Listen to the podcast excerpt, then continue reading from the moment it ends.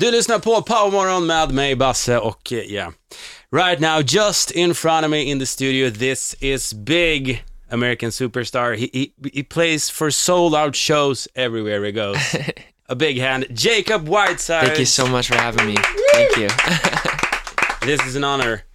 How are you? I'm so good. I finally got rid of my jet lag. I've been in Europe for a week now and uh, got to enjoy an off day yesterday here in Stockholm. So uh, it's been amazing. I've been having a good time. So what did you do on your...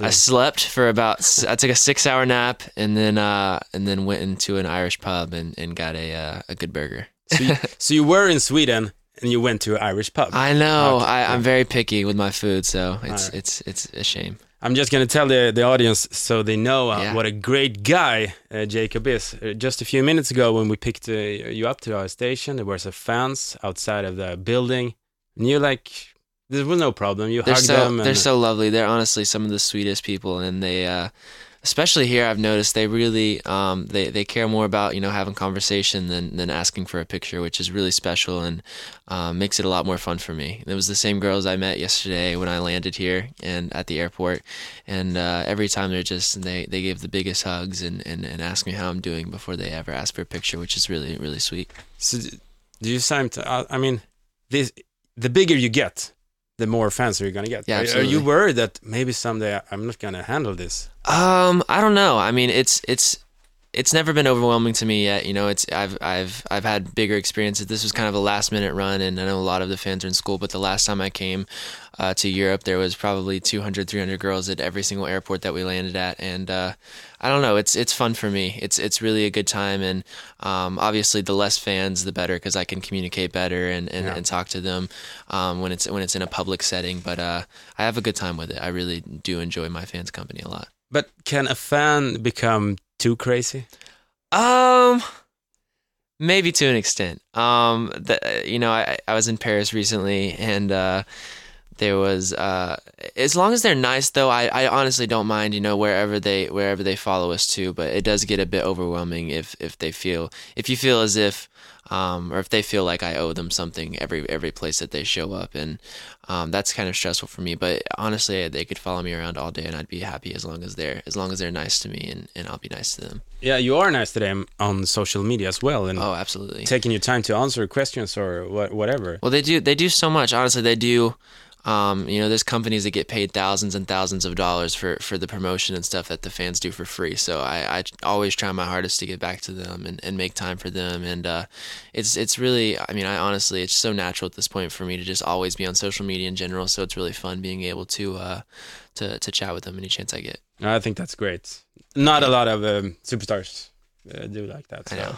it's sad. You get credit. so let's talk about you and uh, your music. You got uh, big through through YouTube, posting videos, right? Yep, I, I kind of um, I started music and I was playing um, in all of these horrible, horrible bars and restaurants and, and, and trying to make a name for myself. My dad, I was in a band with my dad and we were playing cover music and uh, it was just really stressful and it got to a point to where the it, it really affected my relationship with my dad and my parents were having problems and uh, eventually they split and uh, I moved in with my mom full time and uh, I wanted to continue to my, my worst fear was that when I, my dad left and stuff that I wasn't going to be able to continue to do music and so I started um, kind of looking at for different ways to do it without being in, in, in, in these horrible bars and these smoky bars and, and, and doing all of that. So I kind of took notes from you know how Justin Bieber and these and these other kind of social social media sensations were were doing things and um, kind of made it my own and just had a really good time with it. And um, made it very personal went through and you know i was only getting like in the beginning i was only getting five or six comments but i would go and respond to those five or six comments and then the next week there would be twice as many and i would respond to all of them and i just kept doing that for for a couple years and um, built a really a really nice foundation um, through all of my socials and um, created lots of awesome friendships and relationships with these with these fans that were really enjoying um, before I even had original music were really enjoying all of the uh, covers I was doing Yeah. Did you get like like addicted or views addicted? Okay, this I got so many. No, no, honestly, no, because it, it was it was really easy. I mean, if you if you really paid too much attention to the amount of comments and the amount of views, I mean, you would never be happy because there's always going to be someone that's getting getting more than you. So um, I I really just was was having a good time with it, and I set my own personal goals. I never I never got you know discouraged by because there was other YouTubers getting you know millions and billions of views, and you know I was getting very little at the time. And um, I think one of the the most important things for me early on was just staying patient and and setting my own goals instead of looking at uh, the other things everyone else was doing and getting discouraged because that would with social media now it's so easy to see what what uh, all the other accomplishments other artists are doing and other YouTubers and um, even to this day I, I, I really just try to remain focused on my own personal goals. So was it a time in that point of your career, like overnight success with this, is that the views just boom? No, not at all. I mean, there was there was a time when uh, Liam Payne from One Direction actually went through and reposted one of my um, covers. I, I, had a very very small fan base at the time, but they were so dedicated, and I was actually not even online at the time. And he was going through and he was tweeting out different uh, covers of One Direction songs, and, and my fans just repeatedly sent the, the link to him over and over again, and he noticed it, and so that was a um, a big boost for my YouTube channel. But there's never really been a point in my career that's just been like there's been like one thing that's really elevated um, everything off. It's just been really um, a really gradual upcoming, which has made it a lot less stressful. Yeah, I guess. And uh, later on, we're gonna play your song, uh, your new song. Yes, I'm gonna play "Focus" for you guys. Um, a song that I just recently wrote for my my new album. It's the the single here in Europe, so um, I'm excited. I've been doing. I have a different single in the U.S., so it'll be nice being able to to play this one for you guys. So, what is the feeling you want the the audience to get when they hear "Focus" for the first time? Um, I just want them to, you know, I, I, I have always really had a high respect for, for singer songwriters. That's the music that I always grew up listening to, you know, the Ed Sheerans and the John Mayers and Damien Rice. And um, I've always really just had a very powerful connection with lyrics. So when I started doing my own original music, um, I, I kind of wanted to repeat the same thing. You know, I love I love telling stories through music. So hopefully, um, the people listening can can hear the realness in the lyrics and the story and um, enjoy enjoy the song. Yeah, and you just just like a day ago or something like they released your first album. Yeah, it was it was huge. It was um, top twenty in almost every country that I've been to so far, which was just so uh, so incredible. I was very nervous for it, but I was very um, confident because I had so much to do with the the entire album process, which was um, made it a lot um, less stressful for me. Just just having so much confidence in it. It's called Why. Yes. Why?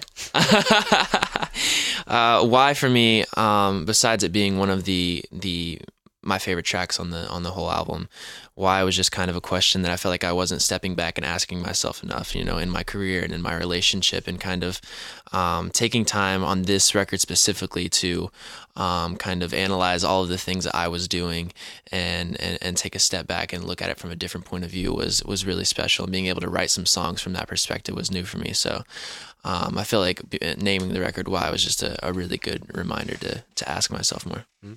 I'm curious. Without, is there any artist or group in the music business right now that really impresses you?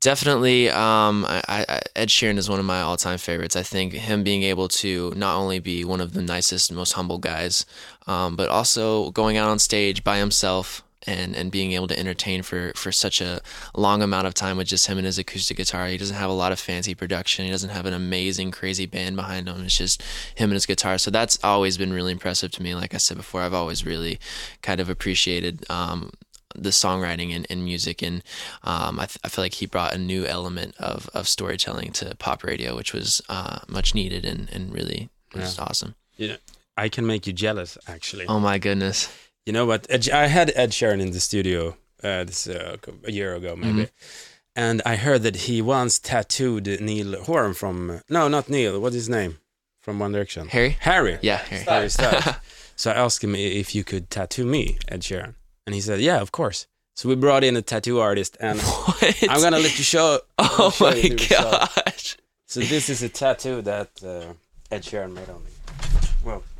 Oh my gosh! Is is the guitar? That's the most legendary thing I've ever seen. Yeah, it's kind of cool actually. That's amazing. Whenever I get a little drunk at a party, you like to talk about it. I need to impress a girl. I'm just like, yeah. Let's share tattoo this one on me. Yeah. That's amazing. So yeah, my next question: Can you tattoo me, Jacob? Yes. Absolutely. Uh, no, but that's kind of cool. Yeah, I like Ed Sheeran as well. He's uh, yeah. one of the greatest for sure. Yeah. Uh, do you remember the first time that you heard yourself on the radio? I do. I was in the U.S. and uh, I was on tour at the time, and this was very. I, I was I was touring and, and doing cover music for such a long time. I was actually doing sold out tours in the U.S. before I ever had any original music. So it was it was it was right after I had started writing some of my first records, and I remember hearing myself on the radio, and we were driving down the road, and the and the bus driver turned it all the way up, and we were dancing and freaking out around the bus. But it was a really special moment for me, only because you know I'd been doing um, covers for so long, and that transition can sometimes be a really difficult one coming from YouTube world and cover world to to original music. So that was a uh, a very surreal moment. So, yeah. How big do you want to get? I don't know. I'm I'm happy. I I've more so recently just been focusing on being happy in the moment. You know, right now, um, I can I can sell I can sell out smaller venues, and that makes me happy. You know, if it get, if it grows bigger, and I and I'm capable of upgrading to the bigger and bigger venues, um, that will also make me very happy. So, what do you love most about your life right now? Oh my gosh, probably being able to travel to all these places has been has been phenomenal. I, I grew up with no money at all and, and in a very small town, and we didn't get to travel um, hardly anywhere. Waking up with a smile, I guess. Yes, every morning? every morning. Yeah. Every morning. So, I got a little game uh, I like to play with you. Absolutely. You're the first one ever to do this game. Oh. So let's see how it does. It's called Swedish or Crazy Talk. I'm gonna say a couple of sentences, and uh, you're gonna guess if I'm talking Swedish oh no. or if I'm just I don't want to offend anyone. I don't want to offend the language. Okay, no, no, no, but you don't speak Swedish, right? no, not at all. Not a, not a word. no, not a word. Okay, this can be interesting. okay, ready for uh, sentences number one. right. You're gonna tell us, is this Swedish or is this crazy talk? Vi ska bada nakna på Sergels torg och leva livet utan sorg. That's Swedish, right? Uh, is that your final answer? Yeah. Yeah, it was Swedish. Was it easy? No, I just I heard a couple words at the end, and you looked up. You looked up from your script, Okay, so oh, you kind of gave it. A, stupid. yeah, Okay. you, you gave it away a little bit, but Okay. this one, this one. You maybe you heard this. Okay. Swedish or crazy talk? Klambide snörge björsnek mitt stanör. that sounds like Swedish too. Is that your final answer? Yeah. Oh, That's just crazy talk. I thought you talk. were trying to throw me off. No, that's super crazy. okay, the last one. Oh, is man. this Swedish or is this crazy go on talk? top. Jag vill beställa en kebab med bröd, såserna bredvid. Swedish or crazy talk? We got a lot of Oh, Swedes in the studio right now, so I was trying to get. I was trying to look around just for a little bit of something, but uh, I'm gonna go with um, with uh, Swedish. Yeah! yeah!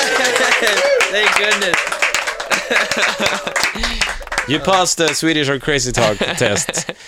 It's been an honor having you on the show, and in just a few minutes, we're gonna hear from Jacob Whitesides live in the studio. He's gonna play his Focus. So, yeah. Thank you so much for having me. I appreciate it. Come on, everybody ready? Powermorgon.